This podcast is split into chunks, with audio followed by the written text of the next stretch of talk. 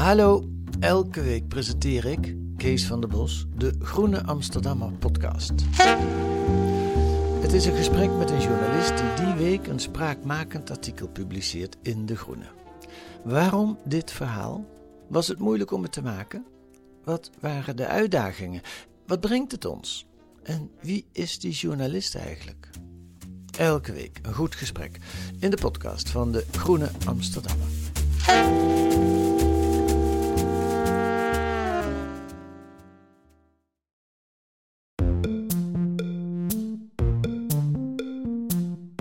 Daar, fijn dat je luistert naar Boeken FM, de literaire podcast van Dasmag en de Groene Amsterdammer. Wij nemen op in de studio van Dag en Nacht Media. Wil je nou nooit meer een aflevering van ons missen? Abonneer je dan nu in je eigen podcast-app en geef ons ook vooral een heleboel sterren en recensies. Dan zijn we ook zichtbaarder voor anderen die ons misschien willen luisteren. Heb je een vraag voor ons of ben je heel erg boos, vooral op Joost? Stuur dan een mail naar boekenfm.dasmag.nl. En we zijn tegenwoordig ook te vinden op Instagram, boekenfm. Ik zat juist te denken aan Gaston Wie is Gaston? van de postcode loterij. Die, die kale gast van, winnen doe je bij, de postcode loterij. Gewoon een zo'n spekkerig, kazig man. Zo'n man. Hij steeds als rood aangelopen Ja, ja, wordt. ja. Gewoon zo'n man dat als je zijn kofferbak open doet, dan tref je gewoon allemaal Remia saus aan. Omdat hij gewoon altijd van of naar een barbecue gaat. Gadverdamme. Hallo allemaal en welkom bij deze speciale zomeraflevering van Boeken FM, de literaire podcast van de Groene Amsterdammer en uitgeverij Das Mag. We zitten zoals altijd in de studio van Dag en Nacht Media. Vandaag niet met onze favoriete producer Merel en onze favoriete co-host Ellen Dekwits, maar met onze op twee na favoriet co-host. Dat doet Marja het niet voor hoor. Nou ja, Dat zijn haar favorieten. En nu hem nog even om te raden. Het is Marja Pruis. Welkom. Marja. En eh, met onze main guy Joost de Vries. Yes. Ik ben Die Charlotte bleke Mark. guy. Die bleke guy. Ehm, we hadden nogal, eh, ehm, hoe noem je dat, rommelig einde van het, We hebben eh, beloftes niet van waargemaakt. het eh, afgelopen seizoen. Waarvoor, dit is al de derde verontschuldiging volgens mij dit seizoen. Waar we dan een aflevering met een verontschuldiging beginnen. Maar deze keer eh, hebben we niet echt iets ergs gedaan. We hebben Ja, gewoon... zat, nou ja, ik zit deel te denken van we hebben steeds beloftes die we niet waarmaken. Dus we hebben het idee van we hebben volgens mij wel eens beloofd een Middelmarch aflevering te maken. dat wil ik nog die steeds. we nog steeds niet hebben gedaan. We hebben beloofd meer Vlaamse schrijfseizoen. Hebben we ook nog steeds niet gedaan. Virginie We hadden beloofd een, een einde van het seizoen aflevering te maken. Hebben we niet gedaan. Maar dacht ik, misschien is het ook wel voor de luisteraar, weet je wel, dat we gewoon zo een beetje zo, zo, zo iets voor ze houden. Keep hem on the edge. Ja, keep them on the edge. Zo ben je ook met je ze net vrouwen. niet, eh, dat is precies hoe ik met vrouwen eh, zeg. Ik weet nog dat mijn vader tegen me zei: Joost, als ik je één ding mee kan geven, geef ze niet alles. Eh, dus nou ja, dat is een beetje mijn instelling met de podcast. Nou, de ook. vrouwen hier lachen beleefd. Oké. In ieder Maar geval. goed, inderdaad. Dus dat wil ik dan nog zeggen. Dat dit is dan een soort van de, de rare zomeraflevering. En dan 1 september, 2 september nemen natuurlijk de live podcast op bij het eh Das Mag Festival. Het ja, Leesclub Festival. Het is helemaal uitverkocht. Is dat Super zo? gaaf. Ja, het was helemaal uitverkocht. Ja, Weten heel jullie gek. al welke boeken je dan gaat bespreken? We gaan dan Banana Yoshimoto doen. Oh, met leuk. Kitchen. Oh, het is my dat in vertaling Heel veel verschijnt. zin Wat echt een heel bijzonder boek is. Ja, en voor de mensen die eh, meer dan 300 euro voor ons over hebben, sta ik natuurlijk op Lowlands.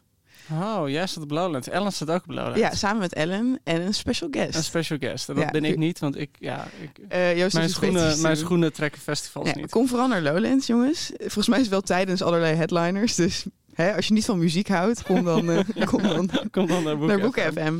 Ja. Goed. En dan vanaf september zijn we gewoon weer in normale line-up. Dus gewoon met Merel en met Ellen en soms met Marja en met Peter en Tommy en Ilja.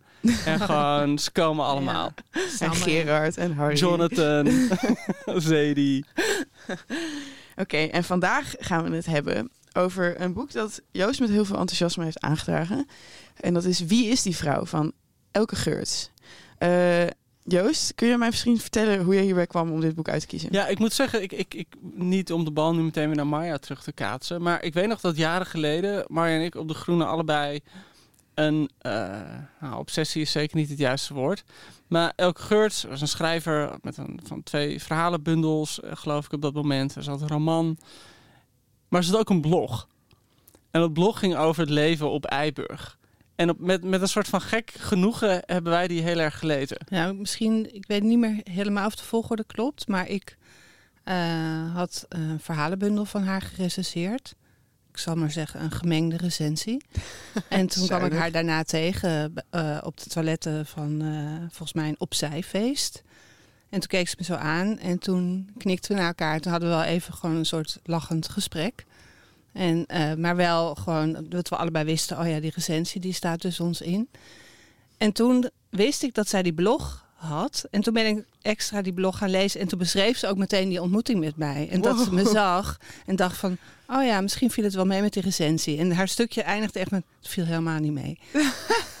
en dat vond ik eigenlijk ook wel weer heel stoer hoe ze dat opschreef. En volgens mij heb ik dat ook aan jou verteld. En zijn we toen die blog ook gewoon helemaal terug gaan Over lezen. welk jaar hebben we dat bloggen nog helemaal happening was? 1991. Maar ze schreef dus over haar, gewoon haar leven op Eiburg. Heel leuke, leuke stukken. Maar ik dacht al van, goh, best wel een eh, soort genadeloos oog heeft ze. Nou, dat blijkt ook wel uit haar boeken. En eh, haar buren kwamen er dus op een gegeven moment achter dat ze die blog had. Want ze schreef best wel vilijn over ook de, de mensen die daar woonden. Ja. De mensen die ze Ja, en best wel, de denk ik, herkenbaar voor de mensen die... Ik weet nog eh, dat door haar de term Schijburg heb geleerd. Oh ja, ja. Schijburg? Ja, dat in, eh, er gaan allemaal gezinnen gaan naar Eiburg, want dan willen ze niet meer in de stad wonen. Dan gaan En er losse zitten, mensen weer weg. zitten ze met elkaar opgescheept op Eiburg, dan gaan ze weer uit elkaar. ja. Dus Schijburg. ja. Dat is echt heel grappig. Maar goed, toen eh, op een gegeven moment gingen de buren ook reageren op die blog. Dus het werd echt gewoon zo alsof een soort drama zich voor je ogen ontwikkelde. Ik In vond het echt time. heel spannend om te lezen. Wow, wat fantastisch. Ja, multimediale... Maar die mensen werden best wel agressief. En toen heeft ze hem daar afgehaald. Het is dus ook niet meer terug te lezen nu Volgens op mij internet. niet. Nee. Wow, wat een stukje Ja. geschiedenis dat nu verdwenen ja, dat is. zou eigenlijk een boek, een, een leuk boek op zich Met zijn. reacties en Met al. reacties. Ja. Het gegeven is al een leuk, Ja. een leuk Ja. idee, inderdaad. Ja. Er was wel een tijdperk waarin een soort van het internet in romans probeerde te krijgen, toch? E-mailromans en zo. Daar zijn we wel een beetje voorbij met z'n allen, geloof ik. Nou ja, nu heb je natuurlijk wel veel van die romans waar dan gewoon eindeloze WhatsApp-gesprekken in zitten. en dat trek ik heel slecht. Ja, op een of andere manier. Ik vond Patricia Lockwood ook niet zo. Ja, Toen. ik vond het echt een heel slim boek. Maar Met jullie die tweets. het echt. Ja, dat is echt pardon, een ja. deceptie Ik vind haar heel intelligent hoor. Maar anyway. Maar Eh, ik denk dat... eh, ik heb niet haar eerste boek gelezen. Maar ik denk dat zij wel met eh, haar vorige roman... Ik, ook, ik wel van ik Ja, nog wel van jou. ik ik nog nog, wel van van, jou. jou. dat ze een heel nieuw pad is ingeslagen. En eh, volgens mij begon dat boek ook met dat ze een column had in de trouw. En die werd er heel veel gelezen, was heel populair. In vergelijking met hoe ze vroeger schreef, is ze veel meer eh, naar een soort van eh, herkenbare realiteit gegaan. Maar omdat zij dus dat genadeloze oog heeft, is het wel ook weer snel groter dan het leven, hoe ze het schrijft. En waar ik. ging ik nog wel van jou over? Dat ging over. de titel het eh, niet al zegt. ja, nou ja, dat vond ik echt een heel mooi boek. Best een onthutsend boek ook. Wat zeg je? Goeie titel ook. Ja, een hele mooie titel. En het ging echt over het, het gewoon niet willen aanvaarden dat iemand niet meer van je houdt. Ik bedoel, de, de ergste realiteit die je kan overkomen. Je denkt dat je een heel gelukkig leven hebt met iemand, je hebt twee kinderen. En op een dag zegt die man tegen jou, ik hou niet meer van jou. Ja, twee dochters. Ja. Huis op Eiburg. Ja, in de blog heten die dochters trouwens nog volgens mij Jeetje en Deetje. Jeetje en deetje, Ja. oké.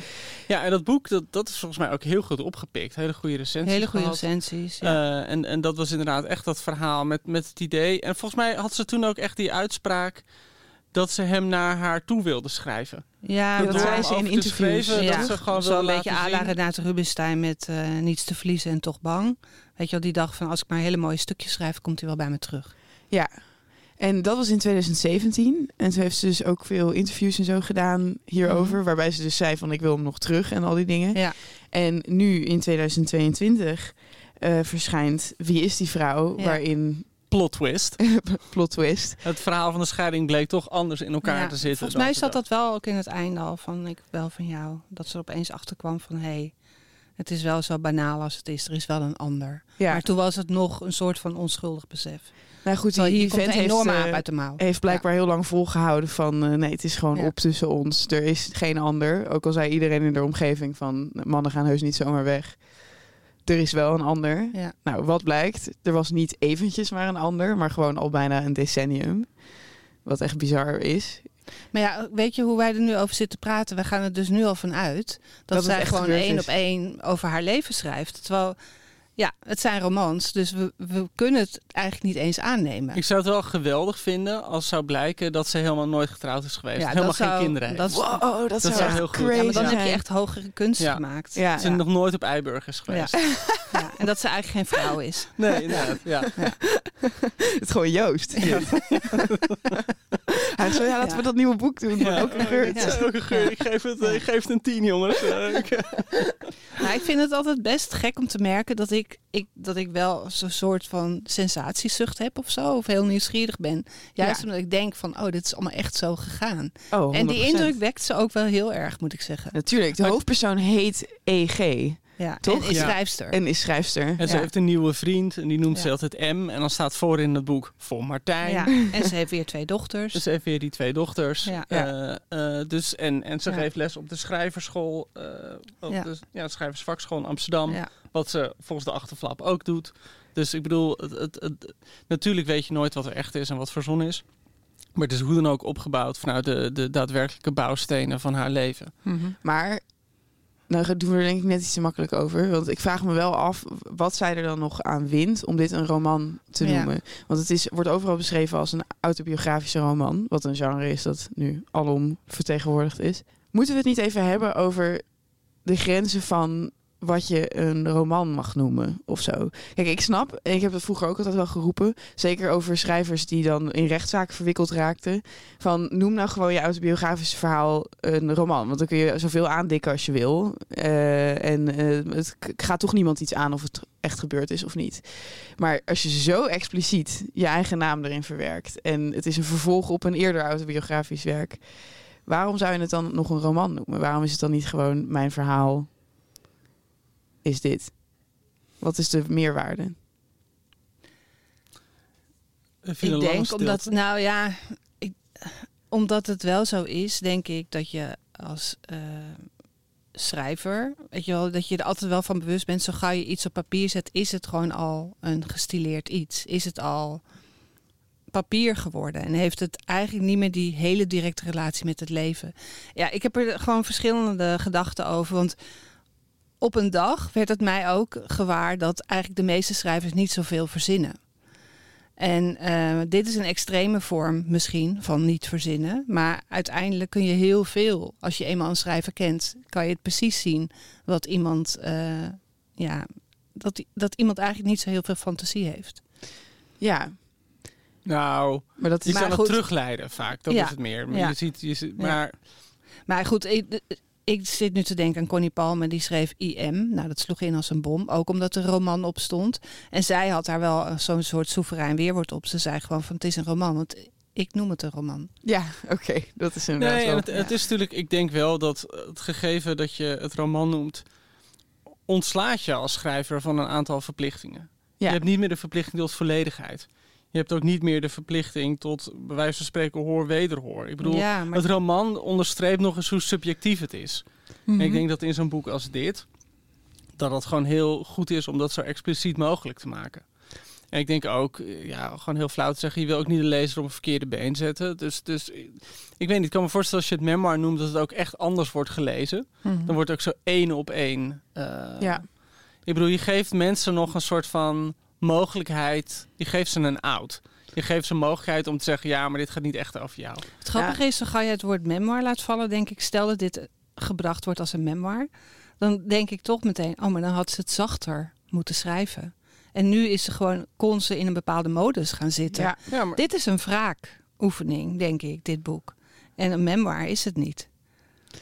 Want een memoir heeft meer te maken met, met wat? Zelf eh, Ja, memoir denk ik meteen van, dat is toch een soort van bezonken terugblikken. oh ja. Ja, En, ja nou, het eh, is natuurlijk eh, pas net gebeurd, toch? Het gaat voor, over, voor Ja, een groot nee, deel ja. over de coronacrisis. helemaal, ja, inderdaad. Het gaat echt Ja, over... ja, het is net Wat was het? gebeurd. Hot Girl Summer zit er, zit nog in, weet je wel. ja, het is het tegenovergestelde van bezonken, denk ik. Dit Ik boek. hoor daar een beetje kritiek in, Marja. Zou je dat misschien Nou, willen... Ik, denk, ik vond het een heel pijnlijk boek, wederom, net als het vorige.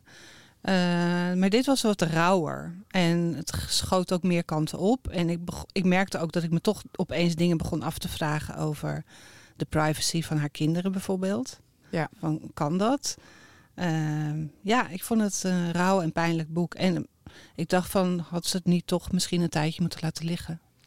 Ja, Maar laten we even... Vinden jullie het een wraakboek? Vinden jullie het wraak op de man die, waar ze achter komt... op zo'n lekker banale manier... dat iemand het gewoon aan haar komt mededelen... ja. Eh, eh, dat is gewoon zo'n scène en dat ze is aan het signeren.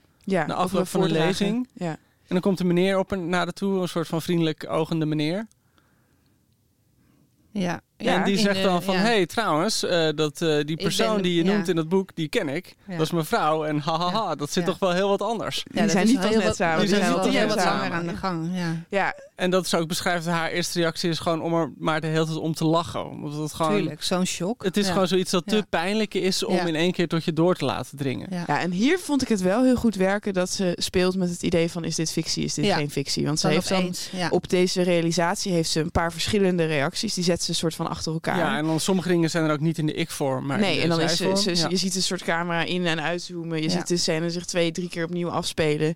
En het wordt niet helemaal duidelijk hoe het nou precies is gebeurd. Bij wie ze nou uiteindelijk in de auto is gestapt. Ze fantaseert dat ze met deze man mee naar huis gaat en zijn, zijn trieste leven bekijkt. Maar dat is niet echt gebeurd. Ofwel, je weet het niet, zeg maar. Dat vond ik wel vet. Dus dan zeg ik ook weer van, oké, je mag het een roman noemen. I Ik guess. vind het heel grappig dat die man dan meteen tegen haar zegt van... nee, moeten jij en ik nu maar niet gewoon een affaire met elkaar beginnen? Gewoon om het gelijk spel te maken. Nee, maar dat vond ik ook heel mooi. En daar speelt ze er dus mee van ik schrijf het op. Maar ja, het is maar de vraag, wat is de juiste versie? Ja. Er zijn verschillende scenario's mogelijk. Nou ja, ze sp- Ja. eigenlijk waar ze ook steeds weer opnieuw achterkomt, is hoe banaal dit allemaal is. Eh, dat er het grote emotionele drama van haar leven, een soort van crux, omwenteling, weet ik veel wat, is gewoon heel suf. Ja. En eh, de kinderen van die ander hebben ook dezelfde sokken aan als haar kinderen en zo. En dat is gewoon Ja, allemaal. En daarom wil ze het steeds Nou, er zit natuurlijk wel een soort van, van eh Hitchcockiaans element in. Namelijk dat die vrouw met wie haar man of ex-man al die tijd een affaire heeft gehad... op dezelfde schrijversvakschool rondliep als zij. Dat had ik dat zoveel meer van willen zien. Eindeloos Ja. met elkaar in de rij hebben gestaan voor de wc. Dat ze gewoon op borrels met elkaar te maken hebben gehad. Ik bedoel, dat is denk ik nog een van de meest eh, oprecht misselijkmakend idee natuurlijk. Dat die persoon met wie jouw man vreemd ging, jou al die tijd Twee jaar lang. heeft geobserveerd en gezien. En al die tijd wist, ik ga met jouw man naar bed. En jij hebt geen idee. Ja. Ja, maar dat was, en dat vond ik eigenlijk, daar zat, zat nog wel een soort van eh, restraint in. Hoe zeg je dat in het Nederlands? ja dat is de terughoudend. is. Terughoudendheid. Ja. Ja. of in ieder geval ja, een soort uitgebalanceerdheid in. Eh, eh, dat ze nooit over die vrouw, die vrouw raakt ze eigenlijk niet aan. En dat, dat is chic, want de titel is Wie is die vrouw? En aan het einde weet je het nog steeds niet. Ze heeft geen één keer beschreven van Hoe ze eruit ziet. hoe ze eruit ziet. Nee. Ja, ze is eventjes een soort halve alinea van oh, doodgewone vrouw. Maar eh, eh, eh, ze blijft een soort groot enigma. Je ziet, ze schetst geen één scène uit die schrijversvakschool. Nee. ze, ze heeft haar vast wel een keer ontmoet. Dat heeft, komt ook niet geen grote dramatische scène in voor. Nee. Het meest dichtbij komt ze als ze een keer te- in haar oude huis is en ze ziet spulletjes liggen van die vrouw. En dat is ook wel echt een geweldige scène. Dat vond ik echt heel goed. Ja, de toilettas. De toilettasje ziet ze liggen, ze kijkt erin en ze ziet een slipje liggen. En ze gaat haar kleren op een gegeven moment ook aantrekken. En Ja. dat, dat laat ze merken, omdat ze, haar, haar, dochter, haar ene dochter is erbij. En die laat ze heel onthutst reageren op van... hé mam, wat, wat, heb je, wat doe je nou? Mag dat wel van Joke? Ja, ja. En waarom heb je die kleren aan? En Ja, dan dat wel- beschrijft ze de moeite waarmee ze die broek dan net niet dicht krijgt. Dus Oh, het dat is op een hele indirecte... schrijnend. Ja, Ja, zo ja, pijnlijk dat ja. zij die broek wel dicht Ja. krijgt. Ja. Ja, dus ik zit nu ook nog even na te denken van is het een wraakroman? Dat denk ik toch eigenlijk niet. Eh, ik denk zeker dat er woede en wraak, die voel je op iedere bladzijde. Maar ze is ook zo eh genadeloos over zichzelf eigenlijk. ja. Ik had dat bij het vorige boek al, dat ik dacht van je steekt een dolk in je eigen rug. En dat heb ik hier nog meer. Want ze is gewoon eigenlijk...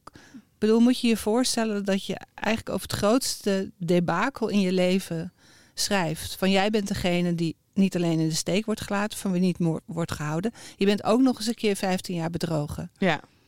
Maar is het, ja, je zou kunnen zeggen van oké, het is geen wraakroman, maar het is een roman over een wraakzuchtige vrouw die het allemaal niet los kan laten. Ja, en dus kun Ja, je kijk, ook je- afvragen. Maar je, kan, je, zou kunnen zeggen dat alleen al het gegeven een wraakroman is. Ja, dat is Gewoon wel. nog los van wat het in is, maar het feit dat je zo voor al je lezers en voor iedereen die je kent. En iedereen die je man kent. En iedereen met wie je aan het schoolplein staat. En met wie je man, je ex-man ook aan het schoolplein heeft gestaan. En iedereen zeg maar op de sportvereniging. Iedereen weet nu, jouw man heeft je 15 jaar bedrogen. Ja. En het feit dat je dat zo nadrukkelijk openbaart, is, zou je kunnen zeggen, al een wraakexercitie. Oké, Want je maar zegt jij- heel erg, mijn man is een leugenaar. En nu dus weet op die man, bedoel je? Ja, dus het is per definitie, je zou kunnen zeggen, het is per definitie, door het zo nadrukkelijk te openbaren, is het al een wraakroman. Ja, dat vind, ben ik wel met je eens. Aan de andere kant, ik kan me gewoon niet voorstellen dat, dit- dat ik dit materiaal zou kunnen laten liggen als ik een als ik autobiografisch schrijfster was. Nee, Toch, kan je kunt- voorstellen, ik zou meteen denken van dit is perfect. Ja, ja. Ja. Dus dat eh, eh, dus had ze ook anders gekund? Nee, waarschijnlijk niet. Maar wat ik wel vond, is dat die, de man, ex-man, komt er echt heel ongunstig uit. Het is echt een soort hele Op slappe een gegeven moment gaat ze ook tegen hem zeggen van... ja, was jouw oom niet, dat, was dat niet een Daar moest ik heel erg om lachen. Ja, is heel grappig. gesprek Ja. even met Ja, want dat man. moeten we ook nog wel even zeggen. Het is ook een heel, op een gekke manier ook een grappig boek. Het is absoluut Ja. grappig. Nou ja, wat, wat we net eventjes hadden besproken voordat we gingen opnemen, is dat, Ja. dat zij heel veel humor heeft, maar dat het er een beetje verkrampt uitkomt, omdat ze gewoon nog steeds zo boos is. Ja. Eh, en dat ze misschien weet wel, over vijf jaar het net iets ontspannender had Ja. kunnen opschrijven. Maar aan de andere kant zit er zo... dat vind ik echt het beste in het boek. Eh, dat heet Vergeven en Vergeten, geloof ik. Ja, Vergeven en Vergeten.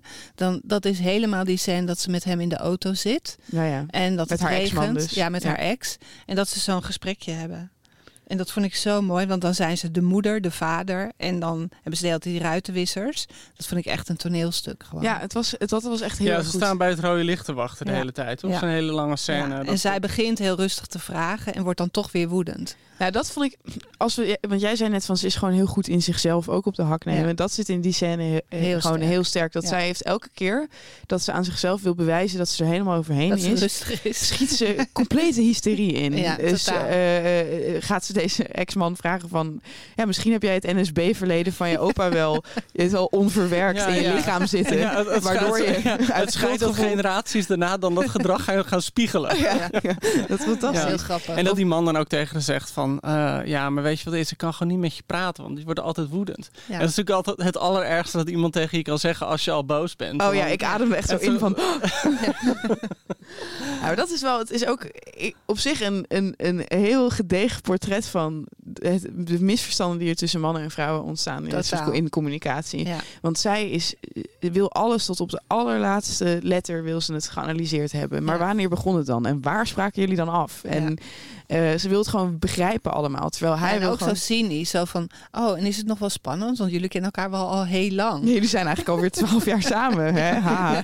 Ehm, en, dat, en ze wil elke keer een soort van opnieuw die wonden opentrekken door, door Ja, dat de woorden aan vuil Ja. te maken. Terwijl hij wil Terwijl die duidelijk... man ruiterlijk gewoon haar de kans geeft om het gewoon de wond te laten helen. En Nou. verder gaan met het leven. Ja, daar ben je, dat, vind je wel. Je staat dat wel aan zijn dat kant. kunnen. Ja, dat vind ik daarin. altijd mooi. Ja. Maar ik vind er ook heel scherp over de nieuwe liefde.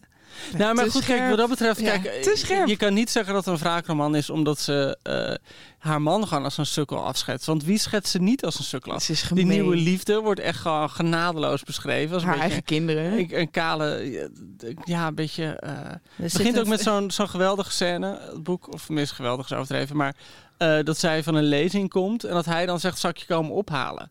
En dat ze gewoon niet wil, dat, dat, en dat ze gewoon een soort van woedende ruzie met haar komt, omdat hij zijn aanbod maar blijft herhalen. Ja. Dus er komt ook nog eens een soort van halve opdringerige vent komt hij over. Nou, Ze ik- schrijft niet echt lief over de kinderen, ze schrijft niet echt lief over de ex-man en niet, en niet goed aardig over zichzelf. Nee, ik bedoel, dit is gewoon ook wat het niet is. lief over de moeder. Maar hadden we dit gewild? Ik had wel misschien gehoopt dat hij een soort...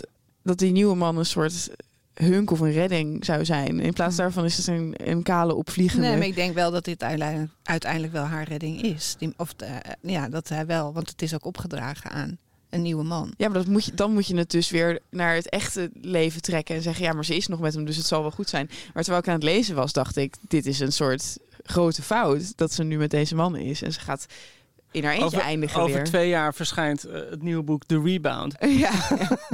Wie was die Ja. man? Wie was die man? Maar dat is wel mooi, vind ik een hele Wie mooie titel. Hoor. Wie is die vrouw? Het is natuurlijk ook, ze heeft het ook over zichzelf. Wie ben ik? Ja, nou dat vond ik inderdaad heel slim. Echt en dat heel doet, ze, dat doet ze wel vaak. ze wisselt steeds tussen Ja. de ik-vorm en, en, en eh, de derde persoon waarin ze het over de vrouw heeft, heeft wat soort traditioneel Ja. the other woman is. Ja. Maar ze is het ook zelf. Eh, dus ze beschrijft zichzelf soms ook als een indringster eh, in, dat nieuw, in het gezin van haar nieuwe vriend. Ja. En eh, als een heks, als een soort furie of als eh, Maar iemand dat die... is toch wel heel mooi, dat een boek dat bewerkstelligt. In ieder geval bij mij wel. Dat ik dacht van, goh, hoe durf je dit op te schrijven allemaal? Ja. ja, eigenlijk wel. Ja. Want, want we, de confessionele dingen die we allemaal tegenwoordig allemaal opschrijven, die vervelen mij vaak wel. Ja, en er is toch altijd een soort zacht dekentje, ligt altijd wel op de loer. Of zo, waar je het dan weer onder legt. Nou, Of een vraag om vergiffenis of Ja. zo. Van, Ja, zoiets. Van kijk, zie Ja. mij in al mijn Ja. naakte kwetsbaarheid. En dan moet jij zeggen, oh, maar je bent zo mooi. Ja. Terwijl ik Je heb niet het zo idee dat, eerlijk. dat zij Ja. daarom aan het vragen is. Nee, nee. Kijk, autofictie is natuurlijk een beetje zo'n zo'n virus dat over ons heen trekt. Nou ja, maar het, het, is, eh, het is natuurlijk heel populair genre geworden. Ook om, omdat, denk ik, eh, schrijvers, nou, wat Marja ook al zei, het- traditioneel gezien al veel over hun eigen leven schreven. En nu is gewoon een soort van de afstand tussen schrijver en boek gewoon steeds kleiner geworden. Dus, dus schrijvers willen denk ik ook graag samenvallen met hun, hun werk. Ehm, het is ook denk ik waar heel veel vraag naar is vanuit de media. Want iedereen vindt het altijd, tenminste in de media lijkt het altijd, men- lijken mensen het heel fijn te vinden als een boek gewoon één op één gaat over wat de schrijver zelf heeft meegemaakt. Dat, dat, kan je Het er werkt goed over in talkshows. Het werkt goed in talkshows, het werkt goed in interviews. Ehm, maar het is heel vaak dan heel veel van die autofictie eh gaan meer over een soort van algeheel levensgevoel. Er is iets vaags aan de hand, maar iemand wil ook gewoon laten zien hoe ze in het leven staan en waar ze zich mee bezighouden. Zitten vaak, eh, ik bedoel, dat autofictie zoals wij het meemaken, is heel vaak doorspekt met lange uitweidingen over kunst en over literatuur.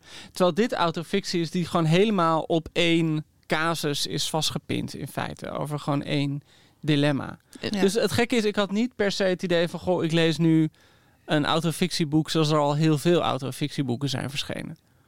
Nee. Nee, ik dus ook niet. Maar dat had voor, voor mij meer te maken met haar bereidheid om haar hoofdpersoon diep onsympathiek te maken op sommige punten. Of zo. Ja, het, het is niet zo van... ik ben een zielige vrouw en ik heb medelijden nodig nee, nee. Want zij, zij is in dit boek eigenlijk. Kijk, ze zal, ze zal in het vorige boek, dat heb ik niet gelezen, zal ze meer het slachtoffer zijn geweest. Waar ze in dit boek eigenlijk degene is die keer op keer de sfeer verpest. Eh, eh, en dat is ook wel, ja, ik weet niet, dapper, I guess, om over jezelf Ja, te... ook heel bijzonder om jezelf eigenlijk als zo'n eh, ongeduldige, haterige moeder neer te zetten. Ja, Ja, want wat vond jij van de moeder-dochters? eh, nou, dat was dus ook. mee, nou, dat een van de dingen die, waar ik wel een beetje dan verbijsterd over ben, is hoe ze in detail schrijft over die twee dochters. En die ene is toch ja, wel min of meer een in de ja, puberteit. ja, ja. ja zeker. doet allerlei dingen, dus ik hoop gewoon maar dat ze dit heeft verzonnen. Want anders ben je wel heel erg je, je kinderen aan het... eh, Maar het was ik te vind het wel geloofwaardig. opmerkelijk maar dat jij dat zegt. Want ik bedoel, eh, in jouw eh, recent verschenen boek Boos Meisje...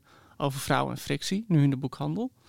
ik denk, ik noem de titel Oké, even. dank Atheneum je wel. Je kijkt Boekhandel op beledig, maar ik, ik bedoel, ik, ik, nee, ik ik vraag me af, waar loop ga je gewoon te naartoe? pluggen. Ja. Ja, er zat een heel groot stuk van jou over Rachel Cusk, de Engelse Mm. schrijver. Ster, die, die eh, altijd een van de meest, van de laatste twintig jaar in ieder geval, meest besproken Engelse schrijfsters is. Omdat ze echt genadeloos over de scheiding heeft geschreven en ook over het moederschap. Ook zonder echt heel lief te schrijven over de man, de ex en ook over de kinderen. Daar ben je altijd helemaal weg van. Mhm. Waarom dit dan niet? Nou, maar Kusk die is niet zo gedetailleerd over haar dagelijks leven. En die eh, zegt wel dat ze twee dochters heeft ook. En die gaan dan mee verhuizen na de scheiding. Maar dat, dat is het. Weet je, Het het zijn twee dochters. Ja, en verder niet. Maar hier is echt gewoon tot in de, de kleding en de kleur van het haar. En ook het liefdesleven. En de, de manier waarop je kind probeert te ontspringen aan jouw eh, controlezucht. Weet je, dat wordt allemaal beschreven in dit boek. Ik besefte wel toen ik dit las, want ik was net zo geschokt als jij, dat het best een taboe is of zo. Om, om eh, het leven van je kinderen zo publiekelijk eh, bloot te leggen. Eh, en ja, in, ja, misschien is het daarom juist goed dat het wordt gedaan. Ja. Maar eh, Ja, nou ja, nou- kijk, ik, ik, nou, nou, ik bedoel, het vind ik li- leuk dat je dat zegt. Maar dan denk ik, het taboe ligt niet bij de schrijfster, maar bij de persoon over wie het gaat, zeg maar. En, en die moeten dat wel oké vinden. Volgens mij weet jij ook wel een beetje hoe het is. eh, als er in, in krantencolumns over je, je opgroeiende, veranderende lichaam wordt geschreven. Nou, daar wil- ik inderdaad nog wel even iets over kwijt, inderdaad. Want ik, ik las dit en ik moest echt alleen maar heel erg aan die dochter denken. Want die is echt meer dan oud genoeg om te begrijpen dat Die dit, zou dit boek gewoon voor de leeslijst. dat dit, een, dat dit een schending is van haar, eh, van haar privacy. Ehm, en goed, eh, eh, en ik vind ik weet niet of het nodig was hier. Kijk, mijn moeder die had natuurlijk een soort opvoedingscolumn. Niet echt, maar het was een soort, oh, ik ben de ontaarde moeder. Kijk, hier is mijn huishouden van Jan Steen. En dan kunnen jullie meelezen. Eh, en dat begreep ik tot aan het punt dat ik een soort autonoom mens begon te worden. En toen hebben we op een gegeven moment echt een hele erg ruzie gehad. eh, omdat ze een reeks columns had in de Linda, geloof ik. En dat heette De Vreselijke Vrouwenreeks of zoiets. Ja. En deze elke keer een monoloog van een vreselijke vrouw. Eh, en één daarvan was dan de puberdochter. En dan was het echt 800 woorden, een monoloog namens... Nou, de enige puberdochter die ze had natuurlijk. En dat Ja. was ik. En dat heeft echt nog wel een soort breuk opgeleverd. En toen ben ik echt woedend geworden. En toen is het daarna ook niet meer echt over mij gegaan. Behalve op, in Maar positieve wat, zin wat vond je er zo erg aan? hoe goed het klopte. Je weet wel, het was echt de kwetsbaarste, het allerkwetsbaarste van het kwetsbaarste had ze blootgelegd. Namelijk dat nou ja, als puberdochter je van je moeder losmaakt door heel gemeen tegen haar te doen. Ja. En haar te pakken op alles waar ze eigenlijk al door hele leven onzeker is, over is geweest. Dus dat is de eerste helft van monoloog. En de tweede helft is hoe klein je eigenlijk nog bent. En je bent een kind nog eigenlijk. En je hebt je moeder nog heel erg nodig. Dus puberdochter komt toch nog s'avonds van de trap van... mag ik misschien nog even met je in de keuken zitten? Dus het was voor denk ik een heleboel moeders heel mooi om te lezen, dit. Ja. Maar voor mij was het echt alsof die twee helften van mezelf... die ik nog niet eens had begrepen of had weten te rijmen met mijn eigen persoonlijkheid... alsof die nu heel plat en naakt voor mij lagen in de Linda notabene. Eh, en ik, ja, ik heb dat echt haar jaren... Hoe kwam jij daarachter dan? Las jij de Linda of liet ze Ja, die lag lezen? gewoon bij ons op de wc. Oh, ja. Dus nee, dat was gewoon... Ja. Dus het was niet dat het van tevoren aan, aan jou was laten lezen? Nee, nee. Maar ik las haar dingen vaak wel met plezier. Dus ik las het gewoon graag. En toen was het ineens dit. En toen hebben we daar wel echt een soort breuk over gehad. Ja, het is later wel weer goed gekomen natuurlijk. Maar ik, dat, ik dacht wel heel erg aan ehm, de dochter van, van Elke Geurts. Of de fictieve dochter van Elke Geurts. Eh, dat het moment dat zij meemaakt in dit boek... een eerste liefde die ook nog eens best rampzalig blijkt. Of gewoon, nou ja... eh, ze heeft haar eerste heartbreak en, en eh, haar moeder vindt haar eigenlijk ook heel hysterische aansteller. Zoals je dan wel denkt van je dochter van 16. Ja. Ik denk van dit soort dingen hoor je helemaal niet op deze leeftijd over jezelf te beseffen. Je hoort denk ik op 25-jarige leeftijd te denken... oh, zo was het om 15 te zijn. Je hoort niet, zeg maar, Ja, dan ja. van Nee, je moeder hoort te niet- horen van... nee. je bent zo 15, kijk eens hoe 15 jij Ja, bent. het wordt niet al gestold te zijn in dit verhaal, En, en, in deze en versie. tot een karikatuur vervormd. Nee. Jezelf dan voorgehouden. Maar ja, aan de andere kant... Als je schrijft, dan schrijf je of zo. Dat staat ook in Boos Meisje, om dat Ja. er weer eens bij te halen. Mhm. Als je dat, als je dat doet, dan kun je niet anders of zo. En als je de neiging hebt om het lelijke in je leven te zien en te portretteren, eh, dan is dit wel een prachtig stukje materiaal Het is natuurlijk. natuurlijk het idee, was het Edna O'Brien maar, die zei van eh, als er een schrijver in een gezin wordt geboren, is het gewoon gedaan Maar met het was huiselijk oorspronkelijk Milos, volgens mij. Oh, Milos. Maar dat werd eindeloos Oké. weer door iedereen ja. aangehaald. Iemand zei Ja. het. Nee, maar ik heb het, ik heb Zo, het je met mompelt mijn... het echt zo'n beetje zo van, hm, misschien kom ik er maar weg om het niet zeker te weten van wie het was. Nee, maar ik, ik vraag, ik vraag toch aan Marja. Ik, ik, ik ben heel kwetsbaar hier. Maar ik heb het met mijn dochter ook gehad, die ook heel boos werd over iets wat ik had geschreven, eh, wat eigenlijk gewoon helemaal uit haar leven kwam. Dus zij had het gevoel van, nou, je, dat heb je van mij gestolen, je hebt het allerergst opgeschreven. En daar schrok ik heel erg van. Toen heb ik haar beloofd van, oké, als ik weer over jou schrijf, dan ga ik het, laat ik het je lezen. Nou, dat heb ik nooit waar kunnen maken en dat weet zij ook alweer. ja, Maar die Want dan- column ging dan- niet over haar? Het ging over een vriendin van Ja, die maar goed, ze had het gevoel van, dat is Ja, van mij. ja. Het is Ja. mijn vriendin en jij schrijft daar wat over. nou ja, dat is natuurlijk een veel grotere vraag over, eh, over dit soort Ja. werk. Maar goed, ik heb nu net eh, Julie Myerson gelezen, Engelse schrijfster. Roman die heet Non-Fiction. En dat vind ik al zo slim. om die Onmogelijk roman om dat boek te. Dat is echt gewoon dat je denkt van... Wat? Nou, onmogelijk om dat boek te googelen. Oh, ja. Non-fiction, ja. Ja. Non-fiction, a novel. Vet. Ehm, zij schrijft en zij is, er heel vaak, zij is al eerder heel erg in de problemen gekomen omdat ze in The Guardian heel lang een column had Living with Teenagers. Ja. En die schreef ze dus over haar kinderen onder pseudoniem. Of anoniem zelfs. En die kinderen werden erop geattendeerd omdat hun klasgenoten hun herkenden. En die kinderen zijn dus woedend geworden op haar. ja. En toen heeft ze eerst nog ontkend ook. Oh nee, oh, dit Ja. is heel Dat moet je niet doen. Ja. Nee. Ja. Dus nou ja, dat werd echt een beetje een schandaal. Zij was toen ook nog een soort van, ja, een beetje bekende cultuurcriticus, kwam vaak op tv. Eh, toen heeft ze heel veel, heeft ze een soort van roman geschreven over de, de drugsverslaving van haar zoon. Nou, die zoon is daar toen weer woedend over geworden. Die uh, heeft tegen betaling interviews afgestaan aan de Engelse kranten. Oké, ze heeft nu dus dat non-fiction. En dat gaat helemaal weer over een drugsverslaafd kind. Maar van die zoon heeft ze een dochter gemaakt, zou je kunnen zeggen. Oh ja. Weet je, ze heeft het vervormd. En ze heeft het op zich ook geproblematiseerd in het boek. Ja, ik vond het boek fantastisch. Uh, ze laat het ook, ik ga nu niet plot spoilen, maar het, het verhaal heeft ze wel helemaal naar haar hand gezet. Oké. Maar ja. Maar dat is dan de vraag, had ze dat in de eerste instantie moeten doen? Ja, dat weet ik niet. Of ja, goed, er wordt wel eens gezegd van oké, je hebt maar één ja, verhaal zij, schrijver. Nou, ja, maar zij schrijft dus wel ook in non-fiction. Schrijvers zijn gewoon niet te stoppen. En die gebruiken alles. En die zijn wat dat betreft inderdaad de meest gevaarlijke mensen die je in je omgeving kunt hebben. ja. ja.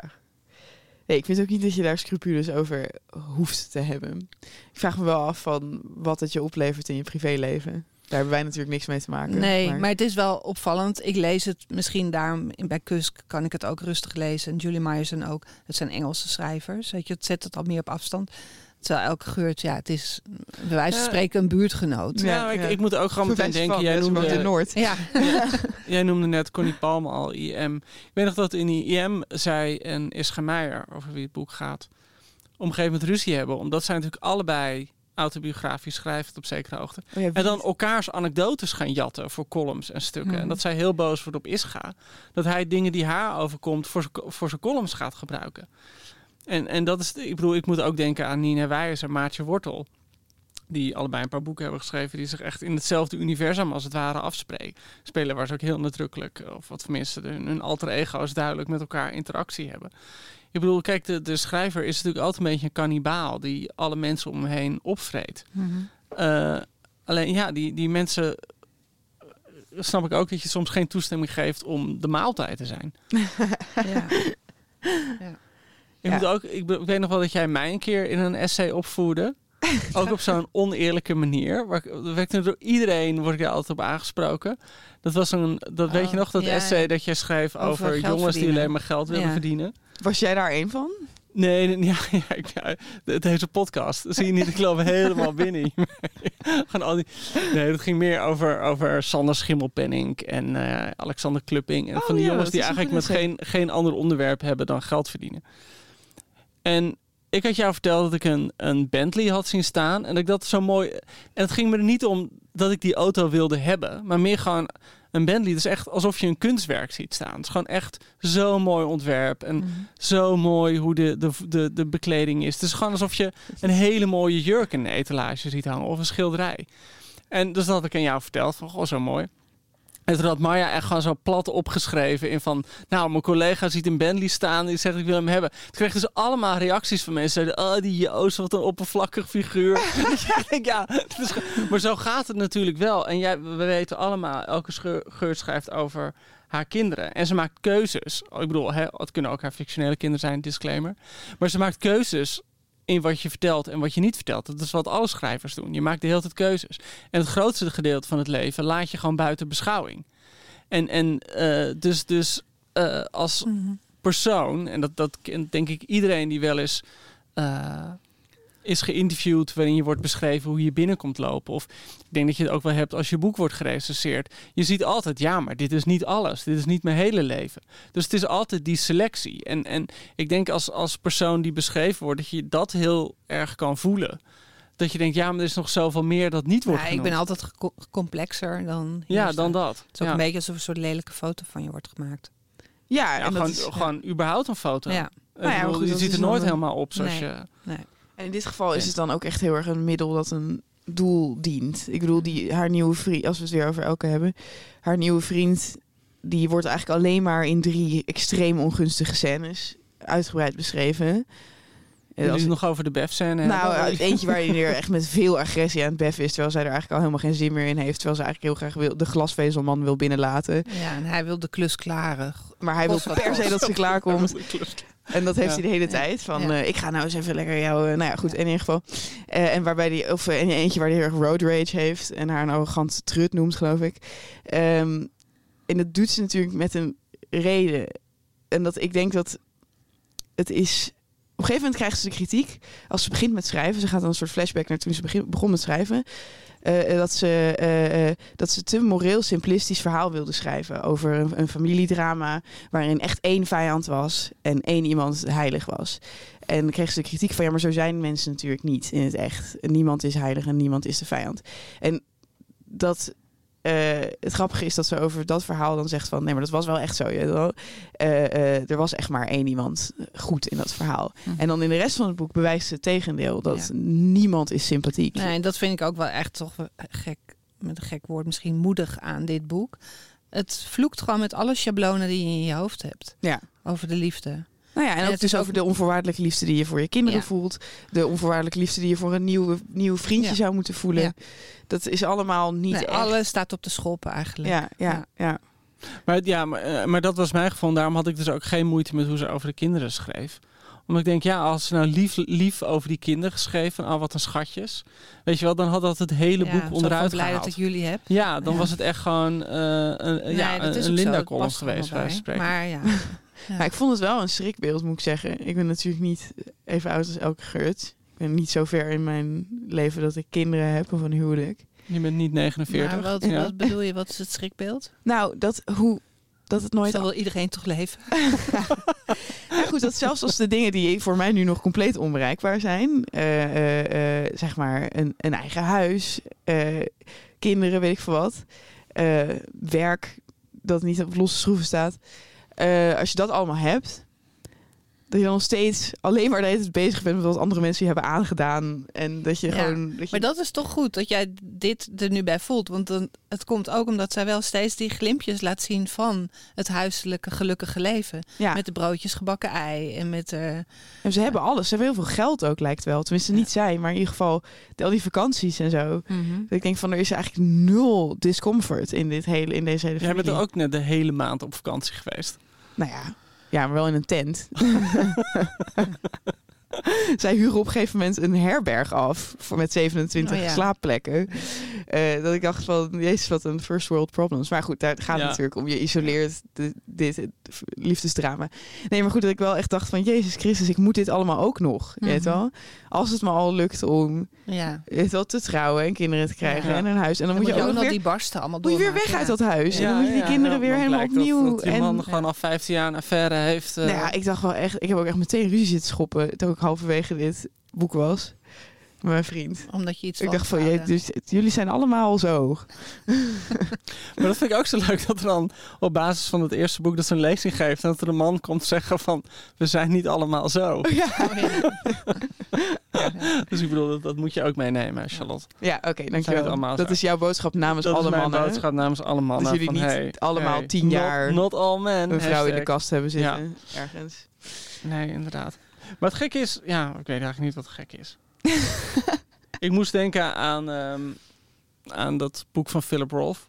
Natuurlijk een van mijn favoriete schrijvers, eh vooral allemaal trouwens.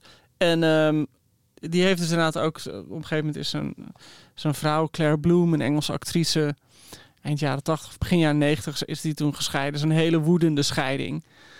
Eh, waar zij toen een memoir over publiceerde, Leaving the Dollhouse. Dat was echt zo'n schandaal, omdat zij opeens helemaal alles over hun leven onthulde. En dat Roth toen meteen terugsloeg met een roman die gewoon zo, ja, zich wel in de jaren 50 afspeelde. Eh, maar waarin hij helemaal zijn kant van die scheiding meegaf. En echt die, die, die Claire eh, was dan de moeder en ze had een dochter als twee soort van vreselijke krengen neerzetten. en het, het kan ook zoiets zijn waar je echt je boek mee, en ik bedoel, dat wordt echt als een van zijn mindere boeken gezien. I Married the Communist was dat. Uit eh 98 of zo. En ja, dat werd ook echt gezien van, van je kan je als schrijver ook zo graag je gelijk willen halen dat je daarmee je hele boek doet kapseizen. Omdat ja, toch schrijven uit wraak zelden eh, zo fijn uitpakt als je wil. Omdat je het vooral voor jezelf schrijft dan. Ja, uit welke emotie zou je moeten schrijven, vind jij? Nou ja, niet dat je per se voor eh, de ander hoeft te schrijven of voor de lezer of Nee. zo. Maar het, het, voelt eh, alsof, je, als, alsof je een heel particulier iets wil bewijzen met een boek. Ja, als En- je een en publiek dat- van één iemand Ja, dat is het inderdaad. Ja. Ja. En nou goed, het, is een risico. En ik Maar heb vond niet- jij dat het kapseisde dan, dit boek? dit boek? Nee, eigenlijk niet. Nee, maar, dat, maar dus alleen omdat eh, elke geurt die boze blik gewoon op iedereen heeft. Ja, Op zichzelf dus ja, op ook. zichzelf Ja. ook. ja. Ja, en wraak is toch, het blijft gewoon een heel groot woord. Ik denk ook, heel veel schrijven begint toch met het verlangen de boel recht te zetten. Of de, jouw versie te geven. te ordenen in het Ja. eigen hoofd Ja. ook, zeg maar. Ja. En vooral omdat dit gaat haar ook geen vergelding opleveren. wel. Wat zou dan de echte wraak zijn? Nee, en wat is het doel? Is, is om, om, om nu wat? Om nu Ja, met Joker naar bed te gaan? nee, zo? ja. nee ja, het is zo'n zo'n wrok. En, en zoals Edward St. Albans schreef, wrok is zelf het vergif drinken en hopen dat iemand anders ziek wordt.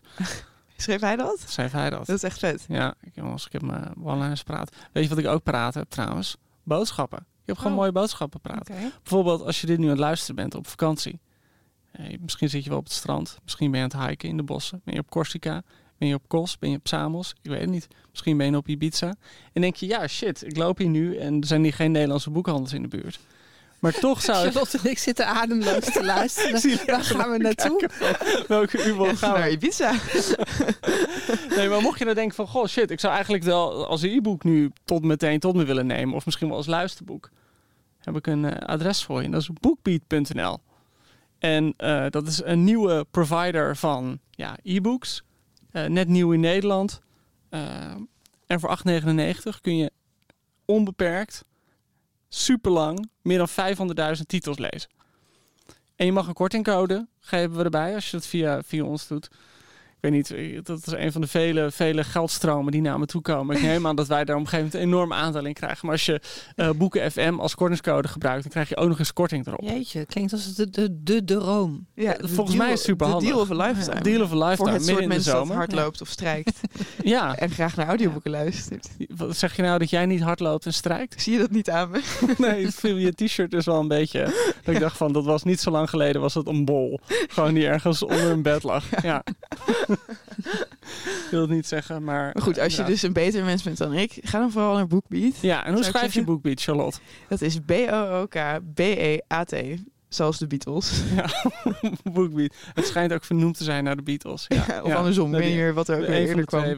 Bookbeat.nl hey, weet je wat we kunnen doen met het boek? Kunnen we weer Sven? Het zou wel echt een mooie film zijn. Het, Ja. zou, het, het is Ja. volgens mij heel goed te verfilmen. Ja, ik dacht dus eerst Het aan een toneelstuk, maar een film zou ook mooi zijn. Ja, het was ook wel een beetje Who's Afraid of Virginia Woolf. boek, eh, Het perfecte, eh, al was ik hoofd van Netflix Nederland geweest. Ja. Wat trouwens wel een van mijn ambitiebanen is. Oh. Dan kun je eindelijk die Bentley... eh, Dan kan ik, en dan kan ik die, deze, daar zou ik echt meteen iemand een opdracht geven om ze allebei te verfilmen. Ik zou dit heerlijk vinden als bijvoorbeeld Laura Linney de hoofdrol zou spelen. Ik ben gek op Laura Linney. ja, Dus zij is die, speelt, fantastisch. die speelde elke geurt. Ja, Nou, zij heeft Ja. ook wel een soort van getergd, hysterische Totaal. energie. Die Ja. ze dan, dus ze zoals is in de leuk, Truman maar ze is- Show. kan ook best wel boos zijn. Ja. En, eh, ja. Ja. Ik zou als Kasia, ik, ik zou Kasia Alongren casten. Hè? Die kan helemaal niet gewoon, spelen. Gewoon als, die zou elke geurt spelen. Die zou gewoon de hoofdpersoon spelen. Zo'n vrouw met een beetje wallen onder de ogen, een beetje gehaaste indruk. Ze heeft de papieren naar buiten gekeerd die naar binnen gekeerd moeten zijn. Weet je, aan de ene kant is ze wel chic en fancy. Aan de andere Ja. kant heb je ook het gevoel van ze gaat zo meteen gewoon hyperventileren op de wc. Ja. Weet je wel? Dat, ik zou Kasia Ja, het is wel iemand eh, zo controle, zou ik gaan. eh, Ja. controlezucht of zo. Ja, misschien dat, ja. Ja. ja.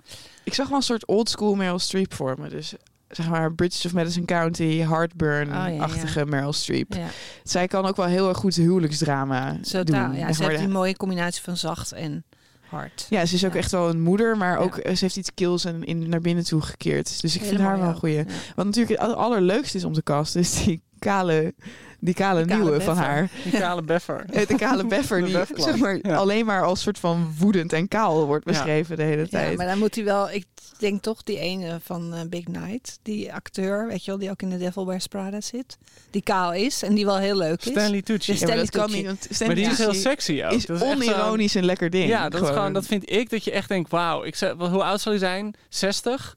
En Ja. die man zit zo lekker in zijn vel. Ja, die is ik zat juist te denken aan Gaston Wie is Gaston? van de postcode loterij. Die, Die kale gast van, winnen doe je bij, de postcode loterij. Gewoon zo'n spekkerig, kazig man. Zo'n Ja, man. ook omdat hij steeds als rood aangelopen Ja, wordt. ja. beschreven. Gewoon zo'n man dat als je ze- ze- zijn kofferbak open doet, dan tref je gewoon allemaal Remia saus aan. Omdat hij gewoon altijd van of naar een barbecue gaat. Ja, maar En gewoon zo'n man die dan zo heel aardig en joviaal doet. Kom eens hier, jij joh, gaan we de envelop openmaken. 100.000 euro! Maar gewoon dat hij dan, waarvan je dan ook denkt dat hij dan terug in de auto gewoon Ja, gewoon iedereen zit uit te schelden in het verkeer. Ja, en ik had je wel stom. Meestal een beetje zo'n zo'n speknek. Ja, Ja. ik ben wel, ik ben wel voor haar. Ik, ik, ik zou in de ideale scenario was het Stanley Tucci, ook omdat hij heeft tegenover Meryl Streep gespeeld Ja, in zowel The Devil Wears Prada als Julie and Julia, de briljante Julia ja, Child biopic, inderdaad. waarin Ja, hij ook een grote neuker Ja, is. ja. Dus dat eh, Ja. Maar, Grote ja. neuker. wist Ja. je dat eh, eh, de man van Julia Child was ook de eerste met wie zij ooit naar bed ging en ze was al pas 42. Oh, wat Mooi. lief. Ja, echt heel lief. En ze Oh. waren super verliefd. Maar goed, Oh, anyway, Mooi dat, was een neemt. Ja. Ja, ik vind de- denk ik, eh, ik moest echt meteen aan Danny DeVito denken. Maar ook omdat ze hem gewoon zo onsympathiek heeft gemaakt. Ja, nog zo'n opgewonden mannetje. Ja, dus Ja. Danny DeVito in Matilda, zeg maar. Ja, oké. En eh, de ex? De ex, ja, die, wat- die moet heel knap zijn, want het is een soort krullenbol en ook een soort Casanova. Dus ik zat echt aan Benja Bruining te denken of zo. Oh ja. Wel meteen een hele andere generatie waar je Ja. dan... Ja, I know. Daarom, maar in mijn hoofd was hij soort van heel jong. Maar dat, dat, dat kan natuurlijk niet. Of ehm Ik zat meer aan Wim Voermans te denken. Wim Voermans, die waarom? politicoloog. Ja, gewoon met... Die heeft een beetje zo- zo'n... Zo'n soort van ijdele krul heeft hij. Weet je wel? Gewoon zo'n man van ik heb krullen en Maar ik heb nog het. haar en ja, jullie ik- moeten ja, het zien inderdaad. ook. Gewoon, ja, Ja. dat. Oké, nou, als we toch zo breed mogen denken, moet het misschien toch gewoon Ernst-Jan Fout zijn.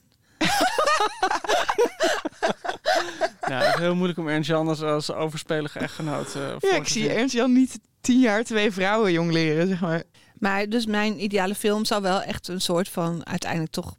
Ja, feel, het zou eruit zien als een feel-good movie zonder dat hij dat is. Ja? Dus wel allemaal hele mooie mensen. Vind ik leuk. Oké, mooie mensen. Jij zegt, jij Ja. zegt romcom. Ja. Ik zou denk ik eerder toch een waarom soort... mooie mensen? Het is altijd zo fijn. Ik bedoel, ik vind dat zo heerlijk met, met als je naar van die Deense films kijkt en zo. Dat de mensen gewoon niet te mooi zijn. Niet te mooi. Nou, ja, ik Nee, vind- wel, wel knap, maar niet mooi. Maar je kunt het aanvliegen vanuit verschillende hoeken, toch? We hebben een romcom met mooie mensen. Die zouden we kunnen doen.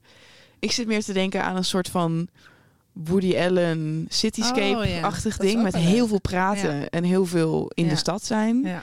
En dan niet, zo, niet zulke hele mooie mensen. Zodat uh, elke geurtspersonage Beetje meer dan intellectueel. de Woody Allen Ja. personage is. Ja, Ja. precies. Meer intellectueel. Hoe zie jij het voor je? Een film noir? Film maar. een ja, western? Gewoon, gewoon dat ze sowieso praten ze allemaal Frans en roken ze de hele dag. En het is in zwart-wit. ja. Liberté. Een existentieel drama. Ja, existentieel drama. Existentieel Ja. drama van 3,5 uur. Ja. Waarbij ze de hele tijd ook in de derde persoon over zichzelf praat. La ja, femme, of la zo, femme. een, een bergmaniaan scenes of a marriage. Dat zou Ja, ook dat er gewoon de hele tijd Ja. alles zwart is. En dat er dan Ja. alleen zo'n rode ballon af en toe voorbij komt. Ja, dat, maar dat het enige dat Ja. kleur heeft in die hele film is dan dat slipje dat ze op een gegeven Oh, moment ja. eh, Oh, heel Ja. delicaat. Ja. Maar eh, dat, ik weet dat dit een van jouw lievelingsfilms is. En dat is een film die heel onbekend is. Dus meteen een tip voor iedereen. Friends with Money. Oh ja, Friends with Money. Van, hoe heet die, van hoe heet die regisseur ook weer? Ja, Nicole Holofcener, Ja. Nicole Holofcener, ja. Ja. Zo'n beetje zo'n zo'n kleine films maakt ze, maar wel hele Ja. fijne films. En hier En die- zit Frances McDormand Dat is van in. Frances McDormand in, dat is een vrouw. van Zij is Frances, fantastisch. ja. Een vrouw die dan op een gegeven moment ook ja, opgehouden is door haar te Ja. wassen. Dat, dat is een die soort staat van... nogal agressief in de wereld. En die wordt op iedereen gewoon woedend de hele tijd. En dat is gewoon haar enige... ja. Het gaat gewoon over een vriendengroep. eh, en, en, eh, Sommigen zijn heel rijk en anderen helemaal niet. Oh, Jennifer heerlijk. Aniston speelt er ook in als een schoonmaakster die dus geen geld heeft. Ja, dus de enige in de Ja. vriendengroep die geen geld heeft. Net als in. Friends. Speelt zij dat ook? Ja, Maar echt een heerlijke film. Kan ik iedereen aanraden. Oké, ja Friends Friends, dus McDormand. money. Maar ja, die kan je overal Ja. voor inzetten. Oké, dank voor de tip. Ja, jongens, we zijn aangekomen bij het moment dat we toch een eindcijfer moeten geven aan wie is die vrouw. Ik denk dat we er veel verschillende perspectieven op hebben geboden inmiddels.